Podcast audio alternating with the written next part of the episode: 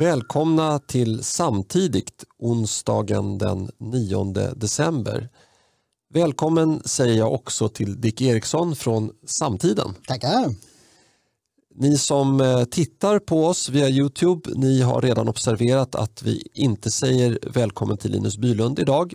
Eh, han har förhinder och eh, vi tog ett beslut, Linus och jag, att, eh, förlåt, Dick och jag, eh, att eh, vi, vi skulle köra vi två helt enkelt. Så får vi se hur det går. Så häng med.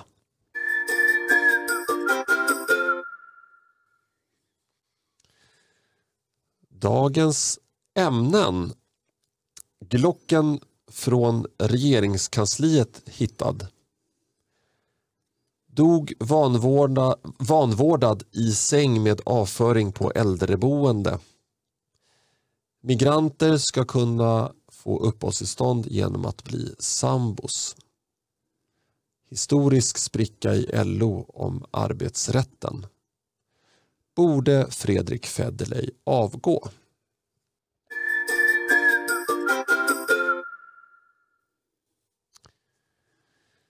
Ja, den här Glocken från regeringskansliet, den är hittad. Och eh, Ja, en av dem, det är flera Ja, eh, som är stulna. Mm. Precis, det var det exakt. Eh, my- mycket, mycket viktigt påpekande. Och Glock för de som eh, inte vet det. Du kanske ska förklara. Vad, är det en speciell typ av revolver? Eller? Ja, nu är inte jag särskilt vapenkunnig. Men det, det, det, det är ju väldigt allvarligt att det vid flera tillfällen har stulits ur vapenskåp i regeringskansliet hos Stefan Löfven eh, vapen. Eh, och dessutom så har det alltså hamnat hos, ett av de här vapnen är då upphittade och det har hamnat hos då, eh, en eh, ung man som nu är Sorry Dick, laget runt. Ja, ja, ja, ja. Just det. Så här kan det gå. Vi kör en kort jingel.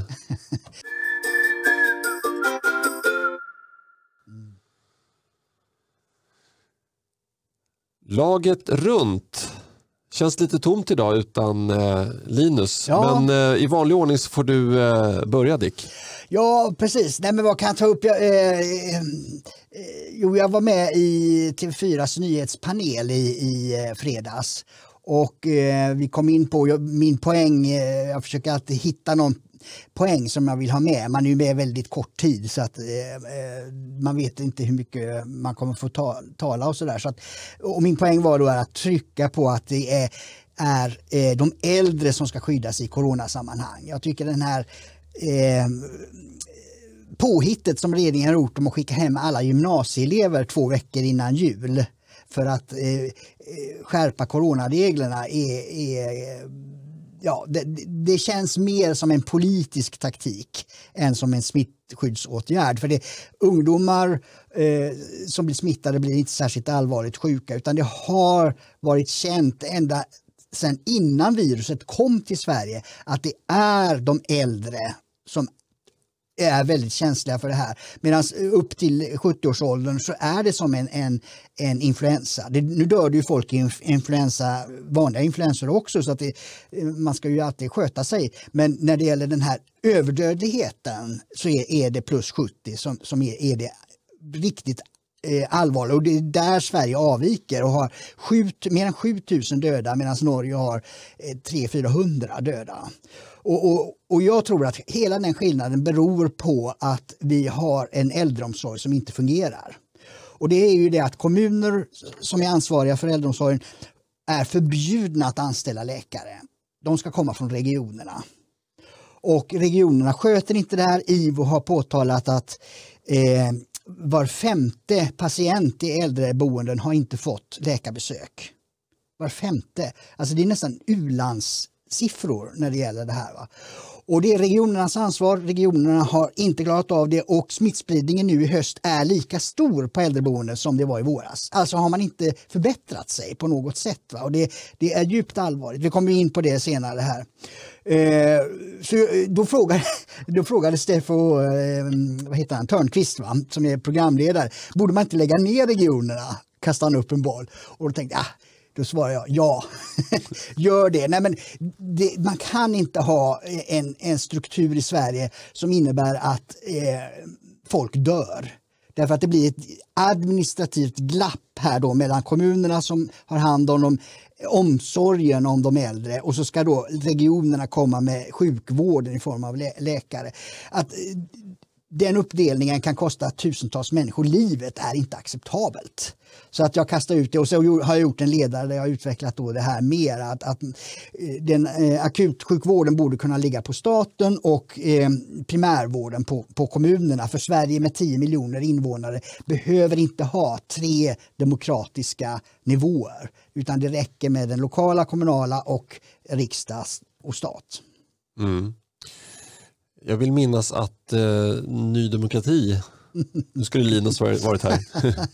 eh, nej, men Ian Wachtmeister har för mig tog upp det här eh, i början på 90-talet att han tyckte att eh, eh, alltså, landstingen som det hette då mm. Eh, borde avvecklas. Och då var det ju såklart en reporter från, om det var Sveriges Television eller mm. någon sån kanal eh, som då tyckte att det var ologiskt att Ny Demokrati ställde upp i lands, landstingsvalen mm. när de ändå ville att, att de skulle läggas ner. Mm. Eh, men eh, det, det kanske blir så. Eh, den som lever får se. Eh, men det är ju bra att skala bort ineffektivitet i samhället och här kan jag se en tydlig sådan när man inte vet vem som har ansvaret. Precis, det skifflas mm. då mellan olika mm. administrativa Eh, boxar i, i organisationsscheman och det, det är ett tecken på att det inte är organiserat på rätt sätt. Mm. Min tur. Ja. Härligt.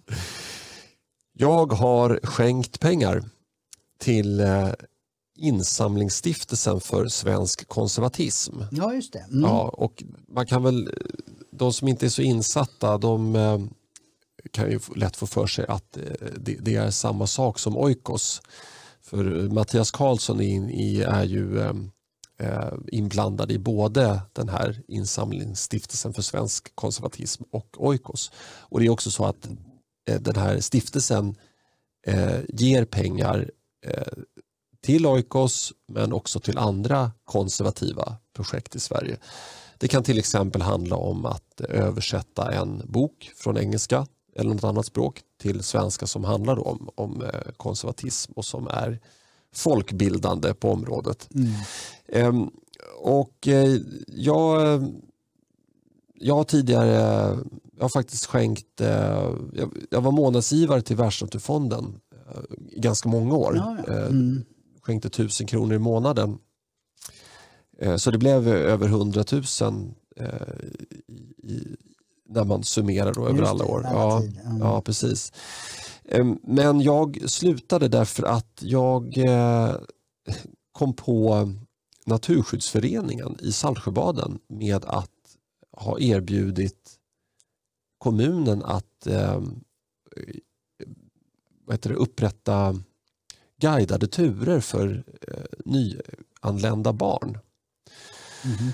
Och eh, då kontaktade jag Naturskyddsföreningen centralt och eh, frågade men det här kan väl rimligt, om, om jag skulle skänka pengar till mm. Naturskydds, Naturskyddsföreningen då tänker jag på naturen. Jag tänker inte på att nyanlända barn ska få guidade turer i naturen. Då, då skulle jag istället skänka pengarna till eh, någon eh, mottagningsorganisation eller så. Just det, verksam, ja, social verksamhet eller något sånt. Ja, mm. för, för, annars kan man ju tänka sig då att Naturskyddsföreningen skulle anordna guidade turer för, för alla barn. Men nu var det ordföranden i Naturskyddsföreningen i Saltsjöbaden som hörde av sig till kommunen mm. eh, med, enbart med erbjudande till nyanlända. Ja, det, naturligtvis. Ja. Mm. Och, eh, nej, men Naturskyddsföreningen kunde inte se några problem med det här. Så då kontaktade jag, insa, kontaktade jag instam, insamlingsstiftelsen 90-konton ja, tror jag det, ja, mm. och beskrev det här. Då. Och de vidtog ingen åtgärd. Mm. Eh, och eftersom Världsnaturfonden också är övervakad av samma stiftelse, den här mm. Stiftelsen för 90-konton, då ansåg jag att då kan inte jag lita på den här kontrollen. Nej. Så då skulle Världsnaturfonden lika gärna kunna skänka pengarna till eh, Eh, genusprojekt i eh, Arizona. Mm. Eller vad som, de kan hitta ja. på precis vad som helst. Mm. Eh, därför att den här eh, organisationen som ska kontrollera vad pengarna går till, de gör inte sitt jobb. Eh, och, och, min slutsats då det var att man måste in i politiken och röra om i grytan ordentligt. Eh, för att den här föreningsvärlden, den är... Jag, jag kan inte, jag, det är inte säkert att den är totalt korrupt, men jag kan inte bevisa motsatsen. Mm. Och det jag har eh, fått fram genom att skrapa lite på ytan, det är att min slutsats det är att den, den kan mycket väl vara genomkorrupt. Ja. Och då är det mycket bättre att skänka pengarna till eh, någon som man känner, någon som man har förtroende för och som vill staka ut en, eh, i mina ögon, rätt väg för samhället, för människorna, för naturen, eh, för våra barn, för våra barnbarn och så vidare. Eh, så, eh, och det här är en, en eh, kraftsamling för att liksom bryta många, många decennier av socialistiskt vanstyre, skulle jag säga. Så att nu har jag, eh, det här beloppet då, det, det var ju eh, lite mer betydande än bara en tusenlapp och så. Så att man, vi kan väl säga att det är uh, ungefär halvvägs till vad jag har skänkt till Världsnaturfonden ah, ja. mm. hittills. Men jag tänkte att uh, ni, ni, som också är intresserade, ni behöver inte skänka liksom tiotusentals kronor, men ni som är intresserade av att, att skapa en bättre framtid för era barn ni kan gå in på oikos.se eh, snedstreck donera. Alltså oikos, det stavas O-I-K-O-S.se snedstreck donera.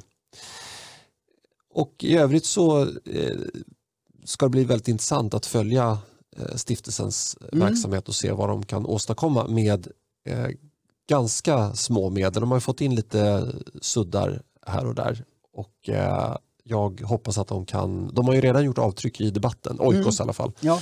Eh, och jag vet ju att eh, Insamlingsstiftelsen de skänker pengar till andra projekt också som, som jag tror eh, kommer att få genomslag i debatten. Men nu, det om det helt enkelt. Ja. Mm.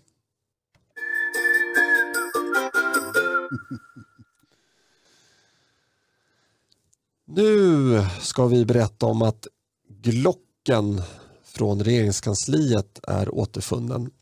Och rubriken antydde att det handlade om eh, att det bara var en Glock som var stulen men det är en Glock som är upphittad men det var, det. det. var fler som var stulna, eller, eller hur Dick? Ja, jo, det är jäkligt allvarligt att, att vid flera tillfällen har alltså eh, vapen stulits ur vapenförråd i Stefan Löfvens regeringskansli.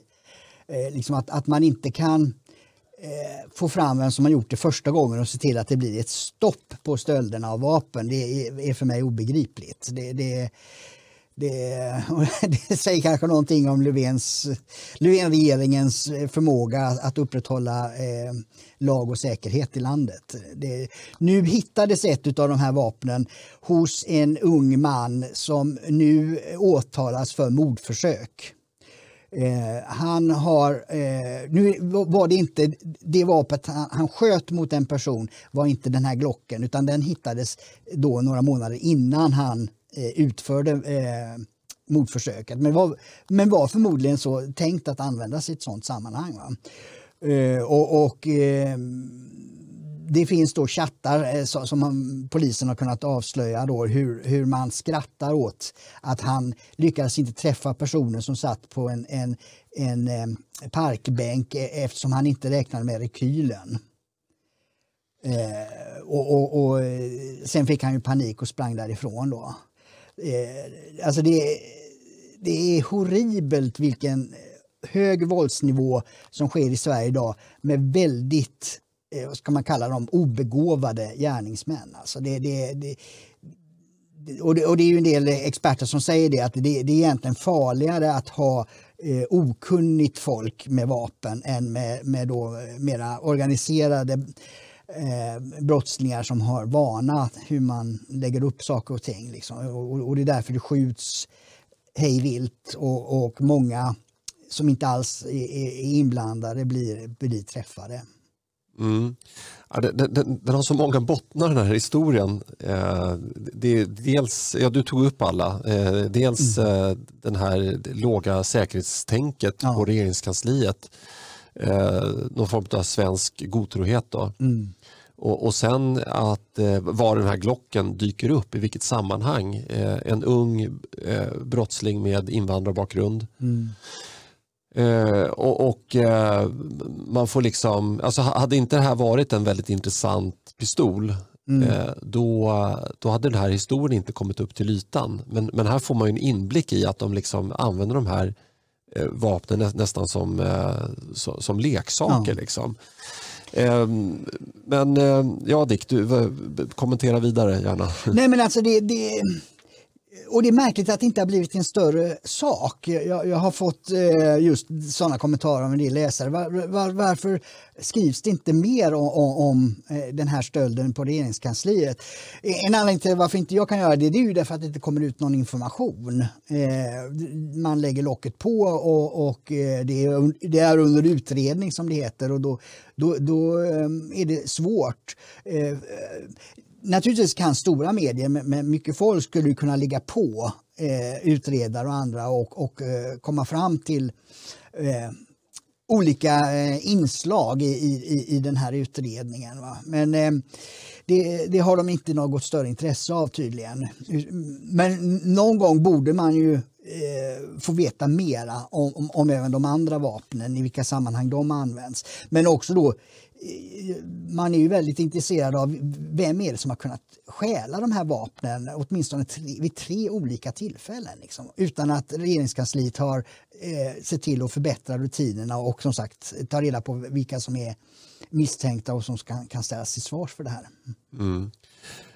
Ja, nej, precis. Eh, ty tyvärr så skulle vi vilja lägga upp hela historien på bordet här men eh, mm. vi, vi, får helt enkelt eh, hålla oss till tåls. Ja. Tills, uh... Men vi ska inte glömma det, utan det, det här är ett sånt där typfall om, om det nya Sverige. Ja.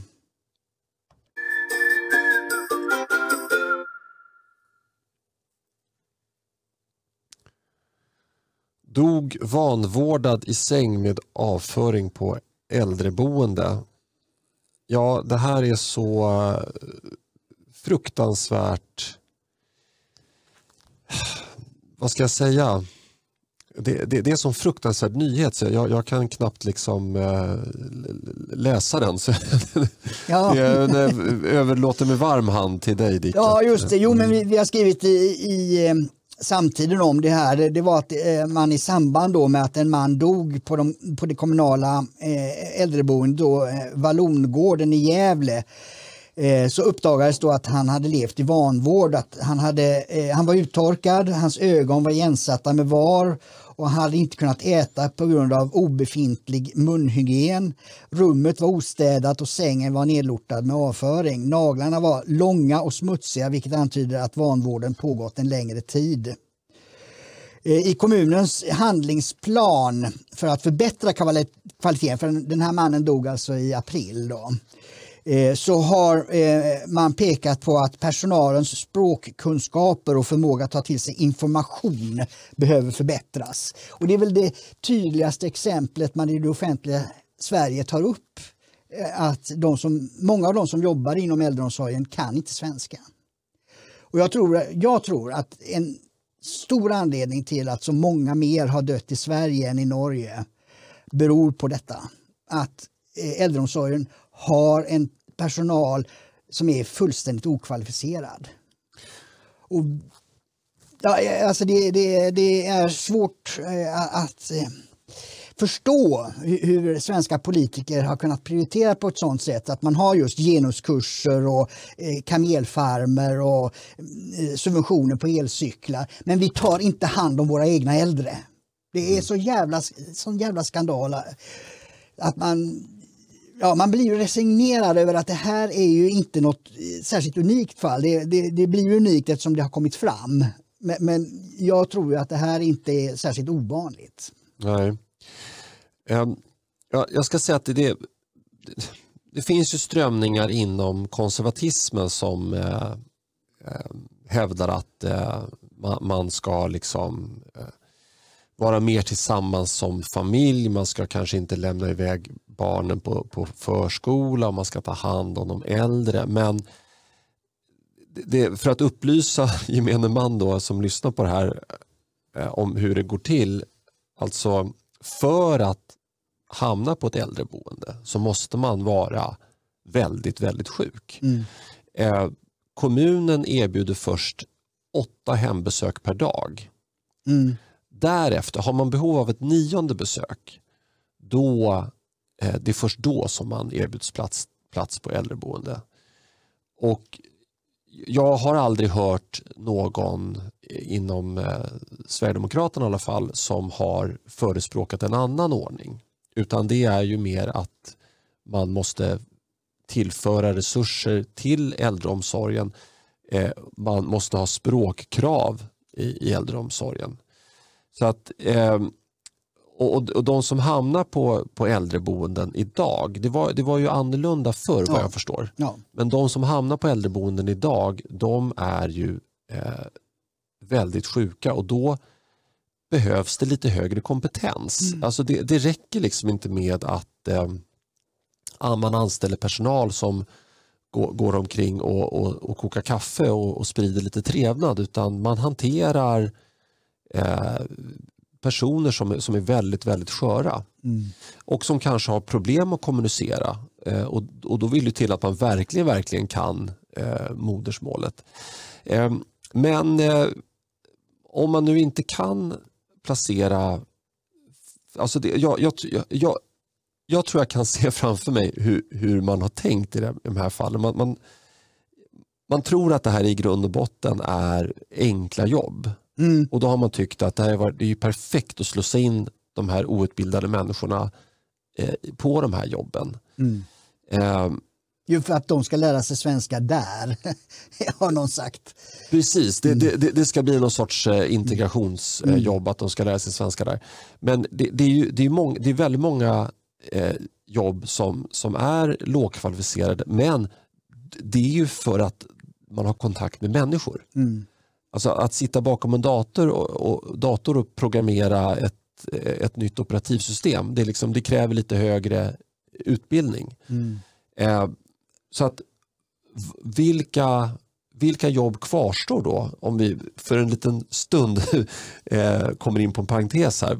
Om, om man nu kommer till Sverige som, som lågutbildad mm. och inte kan språket. Eh, vilka jobb eh, kan man slussa in de här personerna jag vet. på? Ja. Nej, men det är, de ska sopa gatorna. Mm. Alltså, eh, jag tror jag har tagit upp det här i podden tidigare, men Danmark hade redan på 90-talet en regel som sa att ingen får socialbidrag utan att man kommer till eh, ett eh, eh, samling, uppsamlingsrum och tilldelas eh, arbetsuppgifter för dagen. Och då var det ofta att, att, att eh, sopa och plocka skräp. Eh, för det är någonting som alla kan göra oavsett eh, språkkunskaper så att säga. Och detta för att de skulle få socialbidraget. Så får vi inte göra i Sverige. Socialtjänstlagen förbjuder att man har motkrav för att få det här grundläggande försörjningsstödet som det heter nu. Eh, så de, där, där ligger Danmark eh, ja, 20-30 år före Sverige. Eh, sådana jobb kan och ska de som får stanna, nu ska vi ju se till att det färre kommer hit och, och, och, och stannar, men de som är här eh, ska alltid, tycker jag, göra någonting för de pengarna man får. Och då är det sådana jobb. Inte att ta hand om människor. För man kan säga det med, med vad ska jag säga, filosofisk nihilism, eh, eh, liksom utan någon eh, moralisk värdering. Då kan man naturligtvis säga ja det är väl ganska enkelt att och, eh, hjälpa någon i säng eller eh, att eh, tvätta sig och, och så vidare. Det, det, det, det, borde ju inte vara så komplicerat. Men det är ju en oerhört känslig uppgift. Och int, vad säger, intimiteten som, man, eh, som krävs för att detta ska bli gjort på ett bra sätt för den som är eh, kund eller brukare eller hur man nu vill uttrycka det, den äldre personen ska känna sig tillfreds med uppgiften, vilket är självklart att man ska kunna ha som kvalitetskrav, då måste detta utföras med, med en finkänslighet som jag anser inte alls är, är särskilt okvalificerad. Eh, utan, utan det kräver eh, både eh, erfarenhet och, och, och praktik och, och, att man eh, lär sig och förstår vilken roll man har i den här intima situationen. Och det, det där måste bli mycket bättre och det måste därför också då bli högre löner på de här uppdragen. Jag tycker det, det är den här ja, vänsterliberala nihilismen där man säger att moral är fel. Det är den som har orsakat att vi behandlar de äldre på det här vidriga sättet. Därför att om vi har moral i samhället, då skulle vi just säga att även om det är mm, eh, vad ska man säga, tekniskt okvalificerat så är det oerhört kvalificerat och har en oerhörd eh, vikt eh, och värderingsaspekt att göra detta på rätt sätt. Så att, tack om vi kunde få tillbaka lite mer moral i samhället.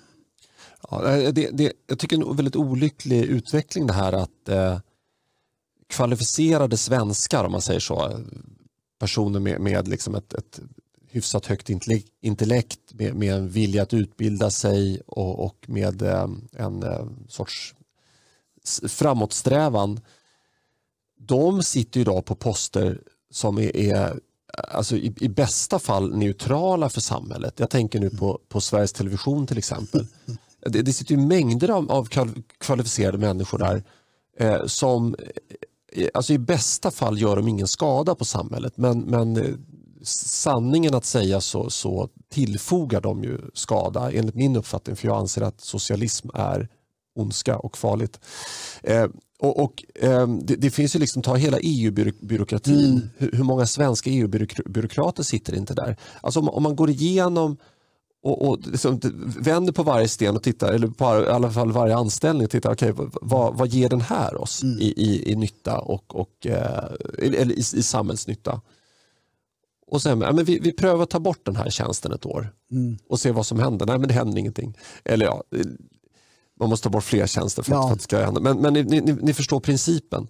Och, och då kan man ju så att säga få de här människorna att hamna på positioner som eh, faktiskt gör nytta för Sverige och inte bara är en, en, eh, en, en, en helt onödig byråkrati och en, och en statsfinansierad opinionsbildning mm. liksom, som, är, som är fullkomligt onödig och som sagt i bästa fall eh, oskadlig. Eh, och, och sen får man ju ner eh, alltså då, då, får man konkurrens på andra positioner och sen till slut liksom så är det kvalificerade personer som kanske står utanför arbetsmarknaden. Mm. Och då kan ju de ta eh, de här jobben som personer som uppenbart inte är kvalificerade för att jobba på äldreboenden. Mm. Eh, så det, det, här är, det här är frustrerande tycker jag att, att vi har eh, men alltså, förr i tiden så eh, då, då, rätta mig om jag har fel, du, du är något äldre än jag Dick. Eh, men, men då var det ungdomar som utförde sådana här tjänster. Alltså min, min pappa han, han började jobba när han var 14. Mm. Och han, han, tänkte väl in, han tänkte sig väl inte att, att äh, han måste gå in på no, någon äh, högre position direkt. Han, han nöjde sig med att vara springpojke, lärling och ha väldigt, väldigt lågt betalt. Mm. Alltså extremt lågt betalt. Eh, jag själv sommarjobbade när jag var ungefär den åldern, 14-15, eh, på en, ett styckningsföretag och fick eh, eh, 45 kronor i timmen. Eh, det, alltså, svensken måste väl också kunna utföra de här tjänsterna som invandrare med språksvårigheter utför idag. Eller, eller, eller måste man som svensk då utbilda sig i, i 50-11 år och sen gå in på ett tjänstemannayrke? Ja, Så, ja, ja precis. Jo, nej, men vi mm. har, eh, precis. Alltså det, det där är en kärnfråga. Att, att, Sverige har ju länge pratat om att vi är ett avancerat industriland med hög teknologi, med hög kompetens på arbetsmarknaden och därför höga eh, löner och, och högt välstånd. Men samtidigt har vi en invandringspolitik där vi tar hit människor i miljontal som har låg utbildning, som kommer från kulturer med utan industriell eh, förmåga och erfarenhet, som alltså är andra änden av ekonomin. Och så säger man det, ja, nu ska ni integreras genom att eh, gå ut här. Eh, många av de som kommer är ju analfabeter. De kan inte ens skriva på sitt hemspråk. Och då förutsätter man att så fort de kliver över gränsen till Sverige så som Åsa Romson hävdar, då blir de svenskar och då har de hög utbildning, eh, goda svenskspråkiga kunskaper och, och eh, ja, ofta eh, universitetsutbildning. Det hävdas ju kring 2015 att alla som kom från Syrien var ju läkare och, och, och civilingenjörer. Alltså det, det, är, det är en bluff, det är en total bluff. De flesta som kommer är från kulturer med väldigt låg utbildning som ligger liksom 100 år efter Sverige. Eh, men det ser man inte. Svenska makthavare ser inte liksom den enorma kontrasten mellan hur man vill beskriva Sverige och de människorna som man eh, välkomnar till Sverige. Det, glappet är enormt. Mm. Och, och, och, min poäng var det att de här människorna konkurrerar ju ut.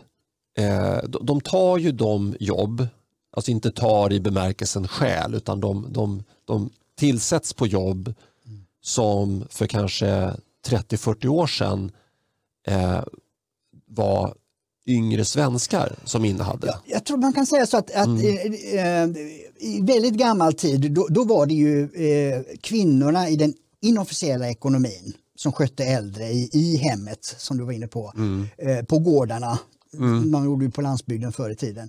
Då var det, det, var, det var det som var kvinnornas uppgift. Så de hade ju en väldigt tung uppgift men den var in, inofficiell, den var inte avlönad utan den del som var lön och så den, den låg på mannen. Men den, inofficiellt gjorde kvinnorna ett eh, mycket stort och tungt arbete.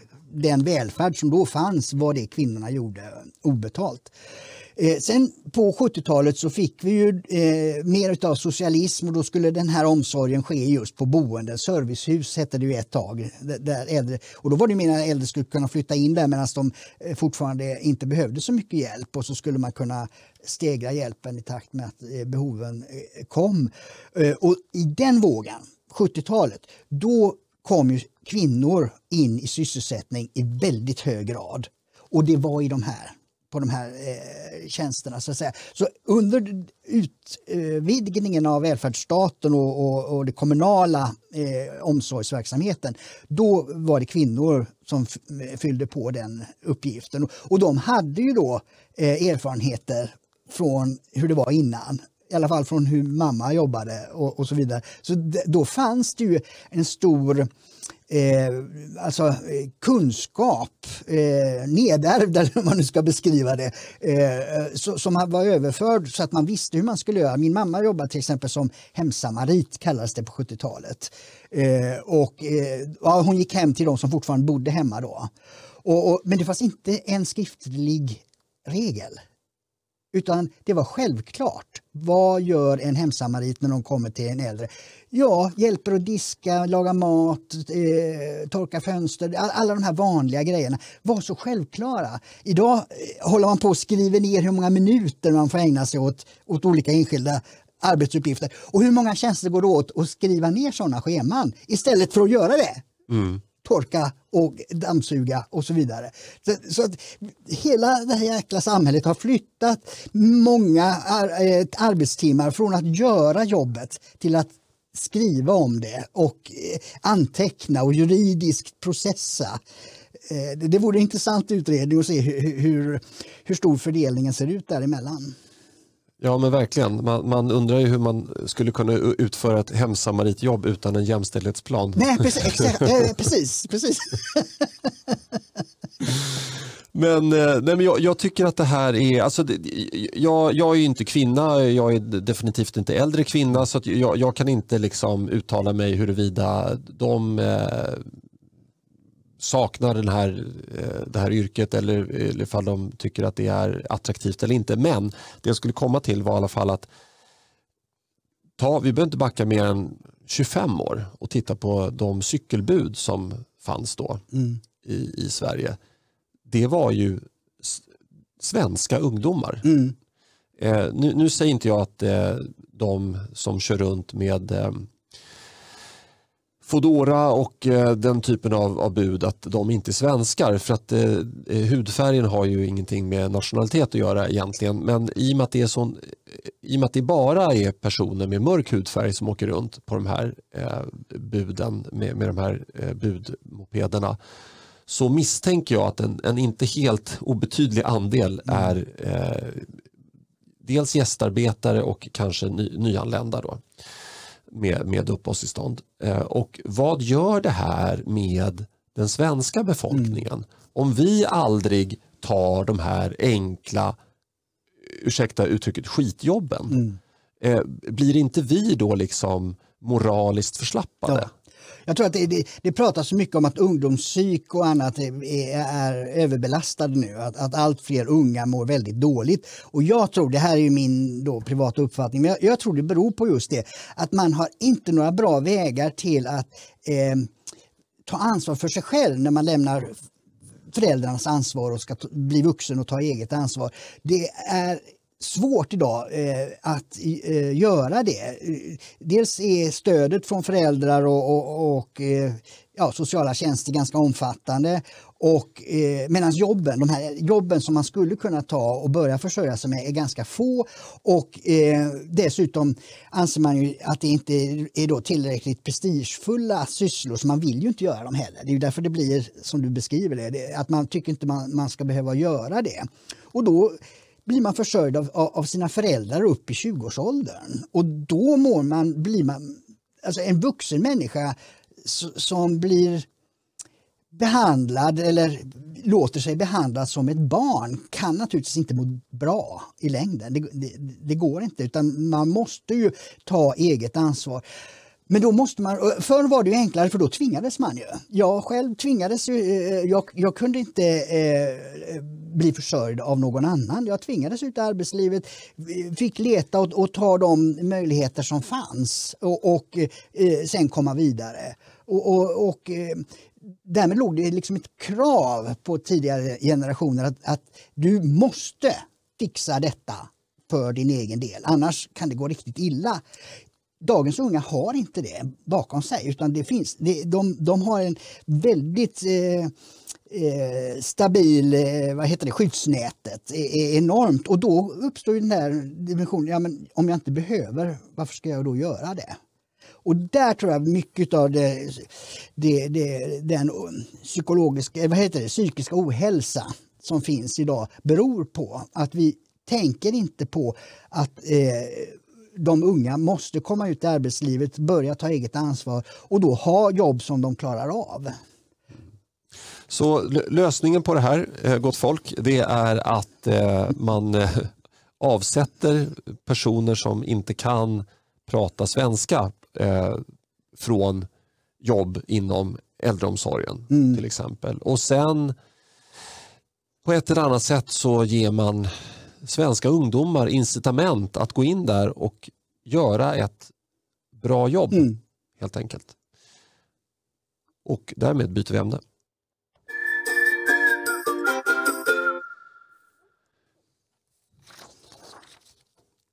Migranter ska kunna få uppehållstillstånd genom att bli sambos. Ja.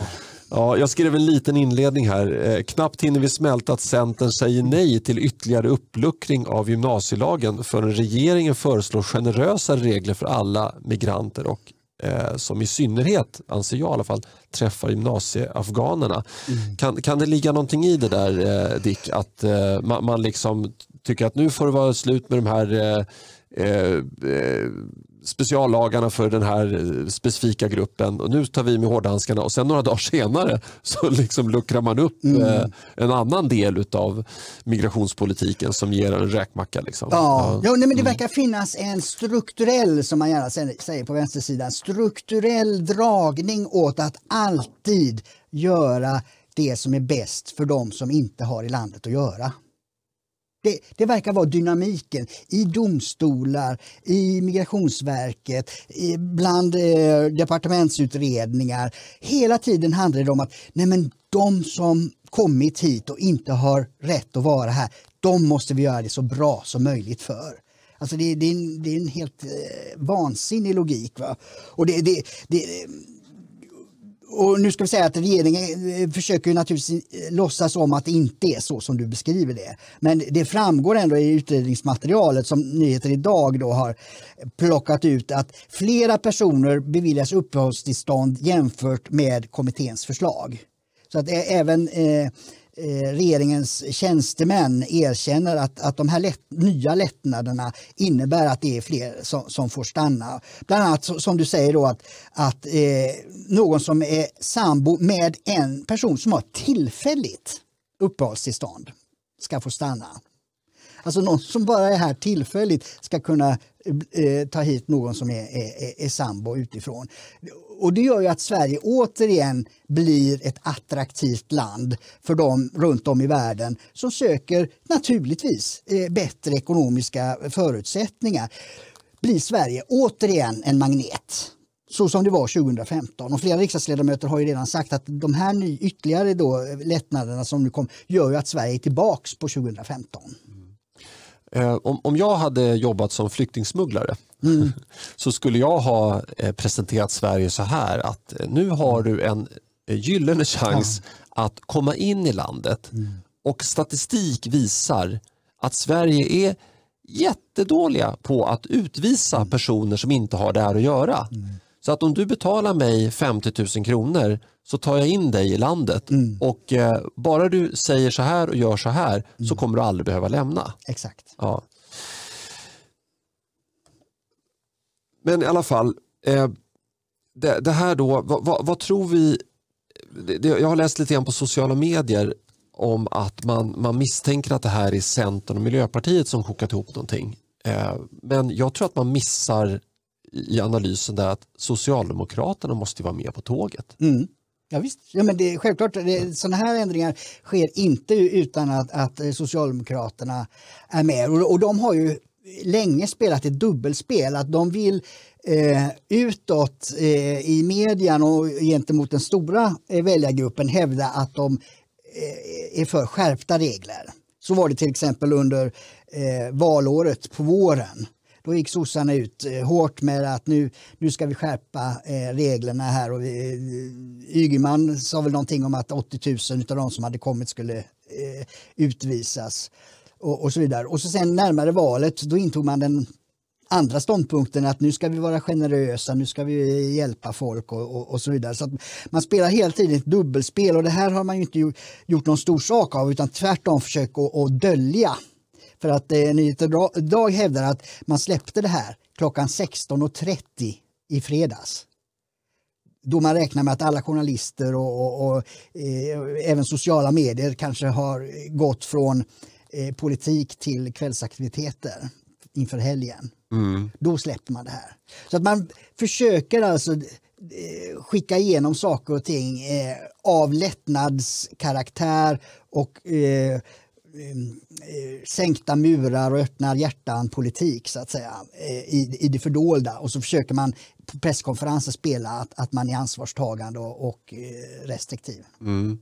Jo, man, man vill väl ha bägge väljarkategorier. Man mm, vill ju fortfarande ja. ha kvar svenskar i så att säga låg och medelklass mm. eh, som, som man ännu inte har förlorat till, till Sverigedemokraterna och där kan man inte vara för Eh, invandrar, eller invandringsvänlig. Mm. Därför att den här kategorin av, av människor i Sverige de ser ju nedsidorna med invandringen. Mm. Det, är ju, det är bara de som bor på bättre delar av, av Södermalm och, och Djursholm som inte ser eh, nedsidorna på samma sätt med, med invandringen. Eh, men samtidigt får man inte glömma bort heller att eh, det är ju alltså varannan man som är född i utlandet röstar på Socialdemokraterna. Mm. Och då, då kan man också räkna ut att eh, an, den kvarvarande hälften, mm. Vissa av dem röstar på Vänsterpartiet och Miljöpartiet. Mm. Så att det, det, är en, det är en enorm övervikt för det rödgröna blocket bland utlandsfödda. Så självklart vill ju inte Socialdemokraterna och vänsterblocket stänga av den här väljarbaskranen. Mm. Det, det, är ju självklart.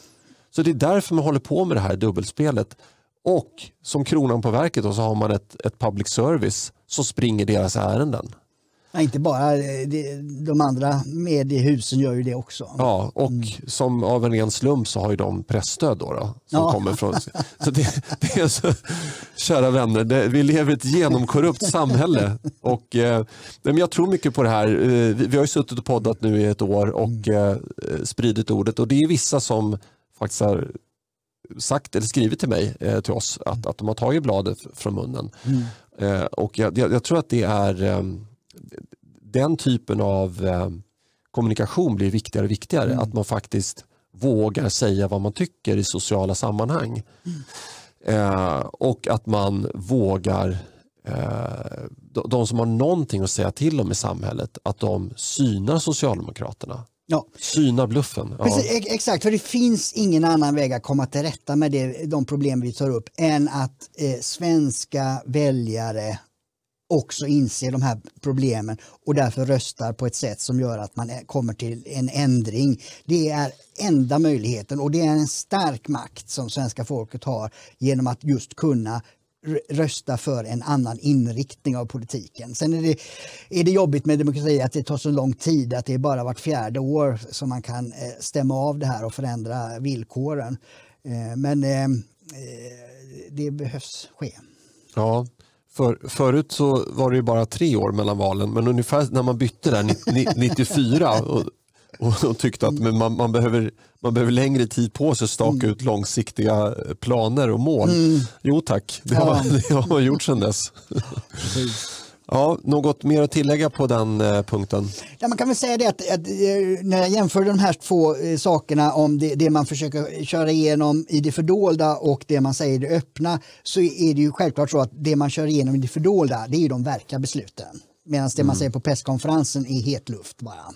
Mm. Men, men, hur går beslutsordningen till? För att, att, att man slänger ut det här halv fem eh, en fredag jag tänker att det måste ändå gå genom riksdagen. Ja. Jo, så, och därför är det, precis, ja. det är därför det är viktigt att ta, av oss och alla andra att ta upp det här.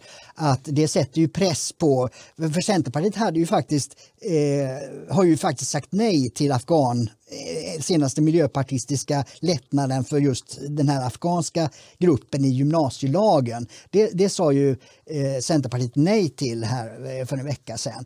Eh, det har spekulerats i om, om det är om man gör det som ombud för Socialdemokraterna. för Socialdemokraterna och Miljöpartiet sitter ju i regering. Därför kan inte sossarna säga nej till Miljöpartiet om de ställer då kabinettsfråga. Så att säga att de säger att ja, får inte vi det här så avgår vi. Då kan ju eh, Socialdemokraterna viska till Centerpartiet, kan inte ni rösta nej till det här i riksdagen så vi slipper det här? Ja, just det. det, det, det, det kan vara så spelet spelas eh, just nu. Eh, men om Centerpartiet menar allvar med det här och inte bara är budbärare åt sossarna, eh, då borde de säga nej till det här också i mm. riksdagen. Ja, min, min, min gissning var ju att eh, Centerpartiet sa nej till förändringar i gymnasielagen. Eh, för att, alltså de, det man ska ha klart för sig det är att Centerpartiet är tror jag det, det, det partiet med störst partikassa. Ja, absolut. Ja, möjligen, Socialdemokraterna har ju större intäkter genom den här lotteriverksamheten mm. och, och, så, men, men av, av ren partiförmögenhet så, så sitter ju Centerpartiet på, på den största kassan. Ja. Så de har ju alla möjligheter i världen att känna av sina väljarströmningar mm. och eh, eh, göra eh, ja, eh, undersöka vilken politik som kan vara den mest framgångsrika framåt. Och gissningsvis så har de eh, snappat upp att det kanske inte är jättebra att ge de här 9000 afghanerna fler lättnader. Eh, och då var det här en perfekt sak att kunna liksom säga nej och, och eh, visa handlingskraft och säga att vi ska ha ordning och reda. Mm. Och sen några dagar senare så liksom kommer den här ut. Men, ja. men det kan mycket väl vara som du säger också att, mm. eh, att det här var någon, någonting som de fick i knät av Socialdemokraterna. Ja precis, den, den bästa eh, vägen vore ju om, om Centerpartiet inte är informerade om detta och, och därför precis som i gymnasielagen, säger nej till ytterligare eh, förändringar eftersom de har kommit fram till att de kan inte hålla på på det viset. För det är inte ordning och reda det här. Det här är en soppa som blir bara värre och värre. Mm.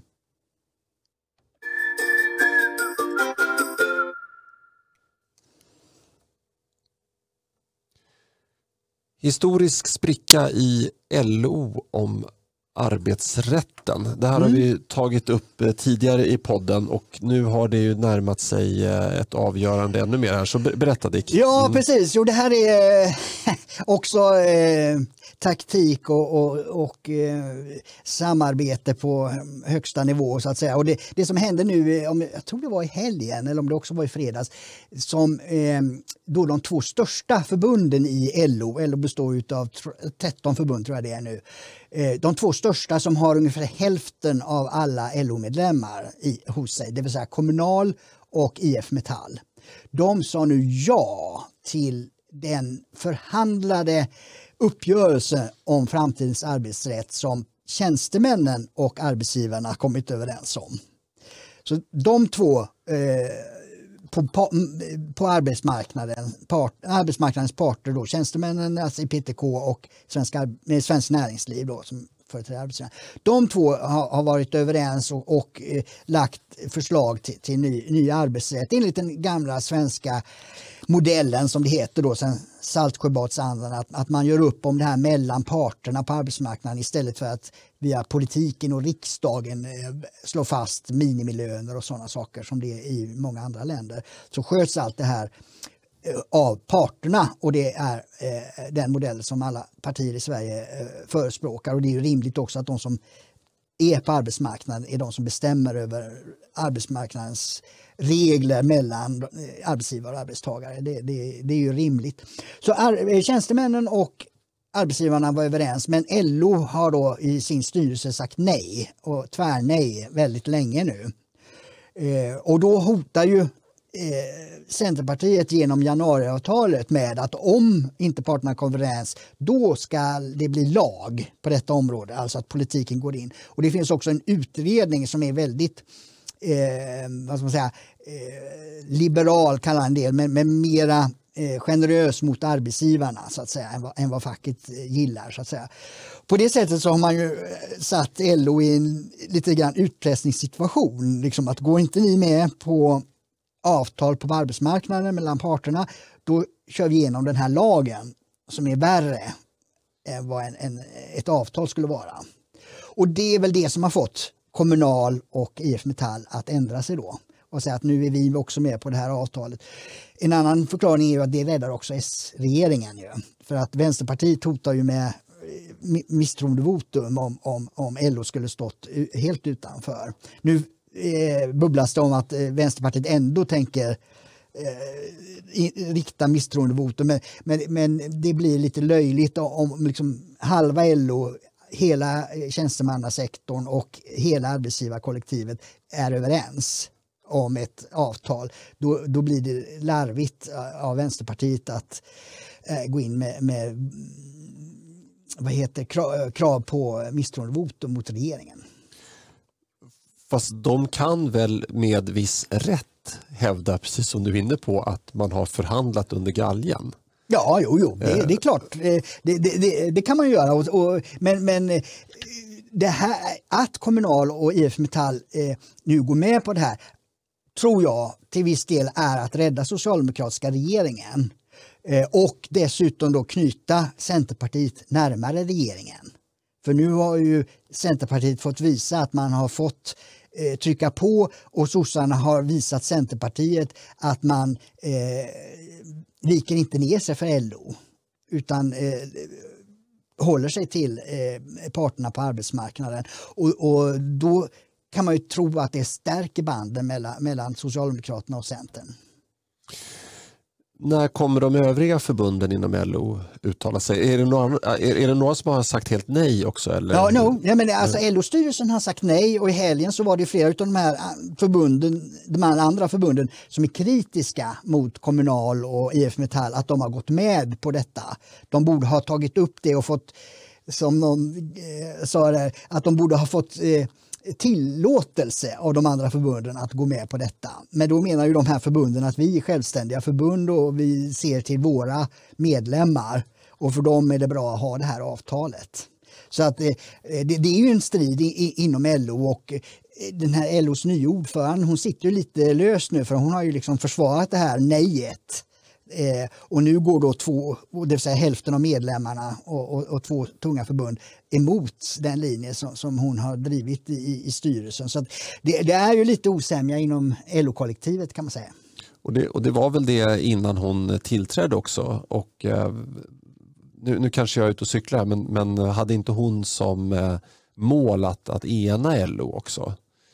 Ja, det har väl alla ja, ordföranden. Precis, men, eh, exakt, ja, precis. Det, det, mm. nej, och, nej, det, det, har säkert varit det tidigare, men nu har det ställts på sin spets. här. Va? Att, att, eh, enligt januariavtalet så ska en ny eh, arbetsrätt finnas på plats under 2021.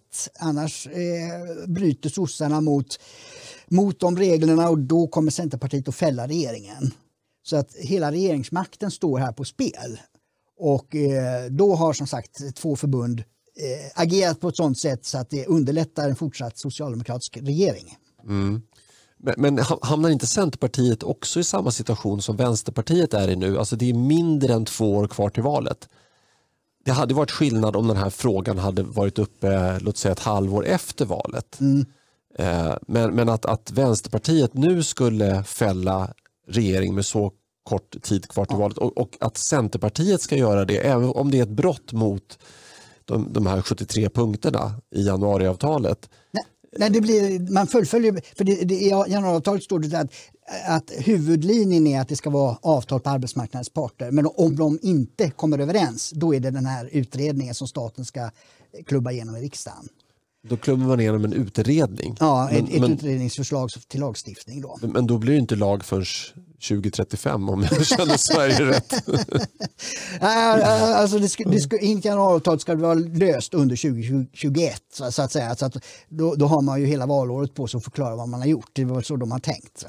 Ja. Men, men jag, jag, tror att eh, genom den här aktionen från LO att, att två förbund bryter sig loss från LOs nej till det här eh, avtalet med förändrad arbetsrätt är just att eh, föra Centern och sossarna närmare varandra. Att, att sossarna har fullföljt sitt uppdrag nu. Man har genomfört förändringar i arbetsrätten som är väldigt eh, eh, svårt och motsträvigt för, för, för Socialdemokraterna traditionellt sett.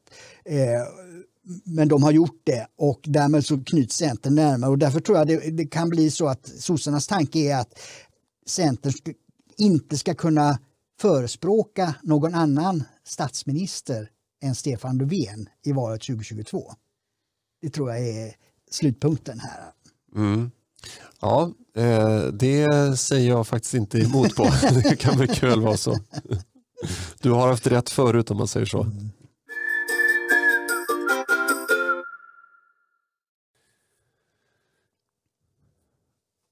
Borde Fredrik Federley avgå? Frågetecken. Just det, jo, det är en sorglig historia. Det, det här verkligen... Eh, och det, det, det, det är så, så mycket konstigheter som spelar, spelas ut. Men idag, eller i måndags, vi mm. spelar in måndag, eh, så eh, skrev Vidar Andersson i Socialdemokratiska Folkbladet en bra ledare. Så att jag citerar den lite grann och, och gick också ut med att, att Fredrik Federley borde avgå. Eh, Vidar Andersson jämförde med Mona Sahlin då. Att eh, inte i handlingarna men i situationen. Eh, för att hon gjorde ju egentligen inget större olaglighet med Toblerone. Att hon, in, att hon köpte godis och en del andra saker på, på regeringens eh, kreditkort. Och, och, och eh, så avslöjades det, då betalade hon in det. Och, Finns det något mer? frågade media. Nej, och så kom det mera det, det, blev liksom en förtroendefråga för henne. Så att hon 1995 eh, fick avgå eh, trots att hon då var eh, både minister och tilltänkt efterträdare till Ingvar Carlsson som partiledare och därmed också statsminister. Och detta på, på någonting som om, om det hade hänt i butik, så att säga att någon hade sprungit ut, då hade det varit snatteri. Eh, men det var ju inte det utan hon betalade tillbaka pengarna så att egentligen var det inte så mycket olagligheter hon ägnade sig åt. Men förtroendet var förbrukat. Och Vidar Andersson skriver där att, att hon ägnade åren sen åt att försöka återfå det förtroendet och, och, och eh, hon medgav liksom, eh, att eh, det fanns ett förtroendeproblem genom att hon i talarstolen då tog upp att ja, många av er ser väl eh, mer att det står en Toblerone här i talarstolen. Mm. Liksom att försöka eh, skämta om det och, och så skriver Andersson det kan knappast Fredrik Federley göra. det, det, för det är så mycket annat som ligger i botten där. Va? Även om han inte heller, vad vi vet, har begått några olagligheter. Men det är omdömeslöst att eh, vara sambo med någon som är, är dömd för 22 grova barnvåldtäkter och eh, följa med den personen. Och dessutom har inte, en del hävdar att han, han avtjänat sitt straff. Det har han inte. Det, det är ett nioårigt fängelsestraff som pågår nu. Däremot är han frigiven då enligt den här två tredjedelar. Det är så mycket rabatter i krim ja. svensk kriminalpolitik. Det finns inget område där det finns så mycket rabatter som i kriminalpolitiken i Sverige. Han har ju släppts ut då efter två tredjedelar. Vill, villkorligt frigiven. Villkorligt, mm. ja. Och då, måste, då står man under övervakning och då måste han hela tiden gå till sin övervakare och rapportera vad han gör. Och där har han uppenbarligen då sagt att han har flyttat in hos Fredrik Federley. Då har kriminalvården bett honom följa med nästa samtal med, med övervakaren och då hade ju enligt tidningsuppgifter övervakaren eh, på kriminalvården sagt att är det så lämpligt att eh, du är sambo med en person som avtjänar straff av den här naturen. Eh, men efter det hände ingenting utan Federley har agerat först när det blivit omskrivet. Och det är därför en del menar att han har bara det han är sjukskriven för som man säger. Jag tror inte han har någon sjukpenning utan han har full lön från EU tror jag. Men eh, time out är väl ett bättre ord i så fall. Eh, eh, och att han mår dåligt. Så kan det mera bero på att eh, det blev påkommet än att det hände. Va? Men vilket fall som helst så, så, så är det ett omdömeslöst agerande och jag har sett nu dyk, då, när det är en sån här händelse då dyker upp massa gamla grejer också. Och det finns ju filmer på sociala medier som, som, som för mig är obegripligt att en då riksdagsman eh, ägnade sig åt. Eh, det är fullständigt omdömeslöst och för den eh, homosexuella minoriteten så är ju det här också ett bakslag för att eh, man har jobbat hårt på att eh, bevisa att, att homosexuella är inga, vad var det man sa förut, eh, aparta eller eh, alltså eh, avvikare. Alltså, Ab abnormala. Ja, ab, just abnorm är det mm. jag tänker på. Det, det, det, har ju varit liksom eh, en, en fördom som är förknippad med, med det. Och det har man nu jobbat eh, med att, att få bort det. Att det gäller inte i högre grad den gruppen än, än i samhället i övrigt. Liksom. Och så gör han sådana här saker som återigen kopplar ihop då den homosexuella gruppen med just abnorma beteenden. Jag, jag tycker det är... Nej, jag har bara krävt två personers avgångar eh, under de 40 år som jag har skrivit om politik. Och Det var Göran Lamberts när han var justitiekansler och hävdade att om muslimer hatar judar så är det ett uttryck för konflikten i Mellanöstern. Det tycker jag är helt absurd slutsats av en, av en jurist. Yttrandefriheten och diskussionen gäller i Sverige och med de som deltar här. Eh, och nu är det andra gången med, med Fredrik Federley då, när, när, när, han eh, agerar på det här sättet som är väldigt obegripligt. Mm. Ja, eh, min eh, kommentar till det hela är väl att jag egentligen inte vill kommentera underbältes... Egentligen vill man inte det. Nej, nej eh, men eh, och, och, jag, jag är ju uppväxt eh, under 80-talet och även 90-talet har ju format mig som, som individ och då eh, var det ju väldigt mycket, eh, alltså om man backar bandet till mina föräldrars generation då var ju allting väldigt inrutat. Att eh, du ska eh, konfirmera dig. Mm. När du konfirmerar dig då får du din första kostym om man är man. då. Eh, eh och, och eh, När du kommer innanför dörren tar du av dig mössan. Eh, och det, det, fanns inte på kartan att man skulle som butiksbiträde säga vad ska du ha för något. Utan det var liksom god dag herrn, vad får du lov att vara? och, sådär. och sen var det Palme som luckrade upp allt det här med mm. du-reformen och, och, och, och, så. Och, och det där extrapolerades ju in, in i min tid när jag växte upp. Och eh, det, det, det tog sig bland annat uttryck i att ja, men, riksdagen ska väl avspegla hela svenska folket. Man höll fortfarande en klädkod. Man tog mm. bort den under ett tag men nu har man infört den igen. Då. Men, men, eh, och, eh, om, om Fredrik Federley då eh, gör ett bra jobb i riksdagen så ska inte hans privatliv eh, spilla över på hans riksdagsarbete. Mm. Och, och den där paradigmen har jag köpt till stora delar. Eh, så pass mycket att jag faktiskt eh, personkryssade Federley i EU-valet eller EP-valet då, eh, 2014 tror jag det var. Ja.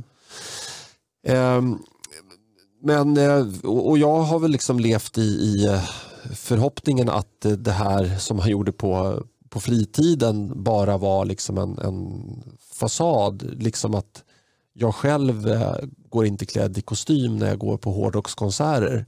Mm. Eh, eller sitter i en husvagn på Sweden Rock och eh, dricker öl. Utan då, då klär jag mig precis som jag vill och det ska folk eh, ja, eh, fullkomligt ge blanka tusan i. Ja. Eh, men det här lämnar också en liten bitter eftersmak när man tittar på Federley. Mm. Därför att nu kommer det fram vittnesuppgifter på att det här är inte den enda pedofilen som han har haft kontakt och vänskap med. Nej. Och då kan ju var och en fundera på om det här är en slump. Eh, om det kan vara så att han har en, en fallenhet för att lära känna pedofiler. Eh, det är ofrånkomligt att en människa, jag är bara människa, mm. det är ofrånkomligt att jag börjar tänka de här banorna. Mm. Och jag skulle säga att han har inte gjort något juridiskt fel. Eh, beroendet, en knäckfråga i det hela det är om, om han har utsatt sin dotter för risk. Att han har låtit den här sambon eh, passa dottern eh, själv vid något tillfälle. Jag, jag har inte sett några uppgifter på det. Nej, men, nej. nej. men det är klart, inleder man ett samboförhållande om man har en dotter på 11 år eh, och tänker sig att man alltid i varje läge måste vara med eh, sambon när sambon träffar dottern eh, och att man aldrig kan anförtro den här personen att vistas ensam med sin dotter då ska man ju naturligtvis inte ingå ett sånt här Nej. förhållande. Så det är en knäckfråga att, att han har den här dottern och, eh, och även hur han har hanterat eh, det, det faktumet. Men, men i övrigt har han inte begått något eh, juridiskt fel utan jag tycker jag, jag, jag, jag, tycker att det här är upp till Centerpartiet okay. mm. och, och hantera. Därför att om de tycker att det här är ett beteende som de vill eh, ska vara fullt förenligt med ett förtroendeuppdrag då eh, kan ju Federley, få vara kvar. Alltså, det är ju, jag menar, om, om jag skulle företräda ett parti och springa runt halvnaken på Sweden Rock och liksom bete mig. Eh, om, då, om det partiet inte skulle ha något problem med det, då får jag väl företräda det partiet. Men nu har, jag, nu har jag inte sprungit runt. jag, har varit fullt påklädd alla gånger jag har varit där. Mm. Eh, men, men, eh, men, men, det är mer en moralisk fråga. Mm. Sen kan jag väl säga att i de bästa av världar så skulle, så skulle ju de som har röstat på honom nu i senaste EP-valet få göra om sitt val Mm. Har vi fortfarande förtroende för den här personen? Men så går det inte till. Nej, nej. nej. och det, det, det, är där lite grann min eh, slutsats kommer in. Va? Att, att eh, man kan inte ångra ett val. Liksom. Eh, nu kan man ju då eh, avgöra hur, hur, man röstar i nästa val. Men, men, men, men jag tycker ju att eh, en sak som, som Fredrik Reinfeldt sa som var bra jag vet inte så många... Oj, jag antecknar. jag vet inte. Gott folk, lyssna noga nu och, eh, jag vet inte om han sa så många andra, men, men det, det, här att politik är en förtroendebransch. Det var en sån här eh, eh, sak som han ofta upprepade och det har han helt rätt i. Att man måste eh, ha och, och, skaffa sig ett förtroende för att kunna agera som lagstiftare. Vara makthavare över svenska staten. Och jag tycker inte att eh, man kan vara det om man eh, agerar på det sätt som, som, som Federley har gjort. Alltså det, det, det känns som om om man kan agera så på ett sånt område som du just nämnde med, med, med, med som är så nära då med, barn och, och, och, familj. Hur omdömeslös kan man då vara i beslutsfattandet? Jag, jag, jag håller helt med där, för att det är en sak om man hade gått till val på och sagt att jag är en pedofilkramare, jag är inte pedofil själv, mm. men jag är pedofilkramare. Eh, och Centerpartiet har inget problem med det. Mm. Eh, då, då, då hade det inte varit något problem. Eh, men här kommer det fram uppgifter som han verkligen inte har kommunicerat mm. utåt. Utan det han har kommunicerat utåt är att eh, han har ett privatliv. Mm. Eh, dessutom som ett alter ego som heter Ursula. Ja, då ska jag säga att då, det, vid det tillfället tappade ja. jag allt förtroende. Ja, mm. och, det, och det här var ju efter att jag personkryssade honom ja, kan jag ju säga. Precis. Eh, så då, då, tappade jag också allt förtroende för honom och eh, också för Centerpartiet ja. och, och för sjuklövern i övrigt. Eh, men, men det, har, det är vid flera tillfällen som har legat till grund för det förtroenderaset. Mm. Men, men, men hur som helst, att, det, det, det han har kommunicerat utåt och jag, jag jag såg ett sånt där YouTube-klipp där han är uppklädd som en dragqueen och eh, blir intervjuad och då säger han då att men, vad jag gör på min fritid det har ingenting att göra med mitt arbete i riksdagen. Och det är den kommunikationen han har haft. Ja. Eh, det här är något helt annat. Mm. Eh, och jag tycker att hade han haft något, något någon moral i kroppen, då hade han ju avgått. Då hade han ju liksom lämnat tillbaka sin, sin plats i Europaparlamentet, åkt hem till Sverige och skaffat ett annat jobb. Eh, helst inte på äldreboende, bara. jag vill bara tydliggöra det med tanke på den diskussion vi hade tidigare. Eh, men, eh, eh och, och gör han inte det, då tycker jag att Centerpartiet borde sätta mm. press på honom att, att han skulle göra det. Ja, mm. precis. Alltså, politik är, är som sagt, man, man, det är inte bara ett förtroende, man representerar också sina väljare. Alltså man representerar någonting. Eh, både, både väljarna och i hans fall då så har han ju profilerat sig eh, som gay då och, och, och företrädare för den gruppen. Och hur bra blir man på att företräda eh, olika grupper om det samtidigt kommer fram sådana här saker som skapar eh, en, en väldigt massa frågor och som eh, där omdömet kan ifrågasättas. Alltså, jag, jag, tycker inte det går ihop, omdömeslöshet och vara förtroendevald. Nej, och, och, men det är så här att låt säga nu rent teoretiskt att Centerpartiet kommunicerar att vi är omdömeslösa. det omdömeslösa partiet. Ja, och, och det, det, har ju gjort i många år nu. Så, så att det är liksom, jag, nej men jag, jag, jag, kan inte, jag kan, som medborgare så kan inte jag sätta någon press på, på Federley. Däremot så borde Centerpartiet göra det. Men gör de inte det, då visar det bara ytterligare vad det här är för typ av parti. Och det, det, det, alltså, de måste Liberalerna, alltså för detta Folkpartiet och, och Centerpartiet, de måste drabbas av någon sån gemensam masspsykos. Mm. Det var ju, Liberala ungdomsförbundet, det var, var det tio år sedan och sånt där, där de gick ut med och ville eh, eh, legalisera nekrofili. Ja. Jo, men det är det, eh, Liberal, liberala idéer är i liberala principer ska jag säga, liberala principer är ibland väldigt bra på marknaden, eh, i lagstiftningen många gånger så är ett, ett, ett, liberalt synsätt en väldigt bra analysmetod. Men på det moraliska området så är ofta liberalism eh, förkastligt. Det, det, leder ut i tassemarker som är eh, skadliga för, för, både individer och samhälle. Alltså det, det, man måste och det är ju det moral handlar om och det, och det är ju det också konservatismen erbjuder är ju liksom att man måste som enskild person, som enskild människa eh, komma fram till eh, vad, vad, som är rätt och fel och hålla sig till det. Alltså, man kan inte, men det kan liberaler då säga, ja, jo, det är fel att våldta barn, men jag gillar den här personen. Alltså, man väljer, man plockar russinen ur kakan på något sätt. Som, som talar emot mitt sätt att se på logik. Va?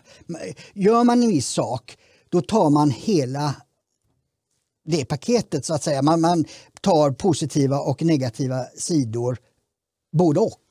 Och att man är medveten om att det är de här positiva sidorna, det har också det här negativa. Alltså göra den moraliska avvägningen. Eh, och, och, det verkar liberaler inte vara förmögna att göra utan man ser bara tillfället och det egna egot, vad man eh, eh, längtar efter eller eh, tycker är spännande för tillfället. Va? Och, och så kan man inte vara. Man må, som en person måste man vara en och samma person över hela tidsschemat, över hela livet är man en och samma person. Och man kan alltid, och det ty tycker jag är en sån här livsfilosofi, att, att man ska alltid försöka bli bättre.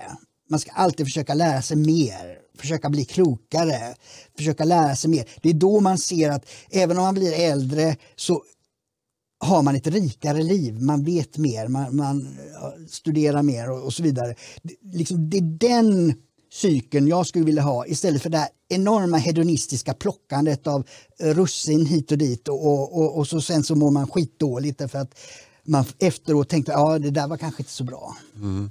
Nej, men det, det, det, är ju ett antal politiker som har fått lämna politiken för någonting som eh, inte skulle gjort något avtryck om det hade varit en vanlig människa. Eh, och, och, Det kan ju vara alkoholism till exempel. Ja där det, det, är inte olagligt att, att gilla alkohol mer än hälsosamt. Så att mm. säga. Eh, men man kanske ska fundera på en annan karriär då. Ja. Och det, det, är väl det det här handlar ja, om. Eh, att eh, det Federley har gjort, vad vi vet hittills, är inte olagligt men man kanske skulle välja en annan yrkesbana då än att vara folkföreträdare. Exakt. Man, ja. mycket bra sagt. Ja, tack så mycket.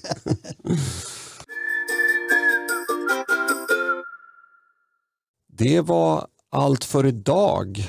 Det gick ju bra Dick. Ja, det är förvånansvärt. Ja. Eh, nej, men eh, Linus eh, var lite ledsen i ögat över att han inte kunde vara här idag. Så eh, kärleksbomba honom så mycket ni kan i eh, kommentarsfälten i sociala medier. Eh, tycker jag i alla fall att ni bör göra. Hur som helst så eh, vi eh, har ju sagt det under en eh, ganska lång tid. Eh, mer exakt så lång tid som podden har funnits att man kan inte donera till podden, man kan inte swisha och det finns ingen Patreon kopplad till podden eller så. Eh, men då vill jag eh, återknyta till eh, det som jag berättade om på Laget Runt mm. om den här insamlingsstiftelsen för svensk konservatism. Så att om man känner att vi gör ett bra jobb med podden, eh, Eh, att ni uppskattar eh, vårt arbete och ni skulle vilja skänka pengar till podden så skänk pengar till insamlingsstiftelsen för svensk konservatism istället. Och så kan ni ju skriva någon liten kommentar om ni swishar eller vad ni gör att eh, samtidigt är världens bästa podcast. så vet de var pengarna kommer ifrån. Eh, jag tar eh, hemsidaadressen en gång till. Den är oikos.se donera. Och oikos stavas då O-I, I som är Ivar, K-O-S. Det var allt för idag. Ja. Ha en fortsatt trevlig onsdag och eller den dag ni nu må behaga lyssna på podden. ha det gott, hej då. Hej.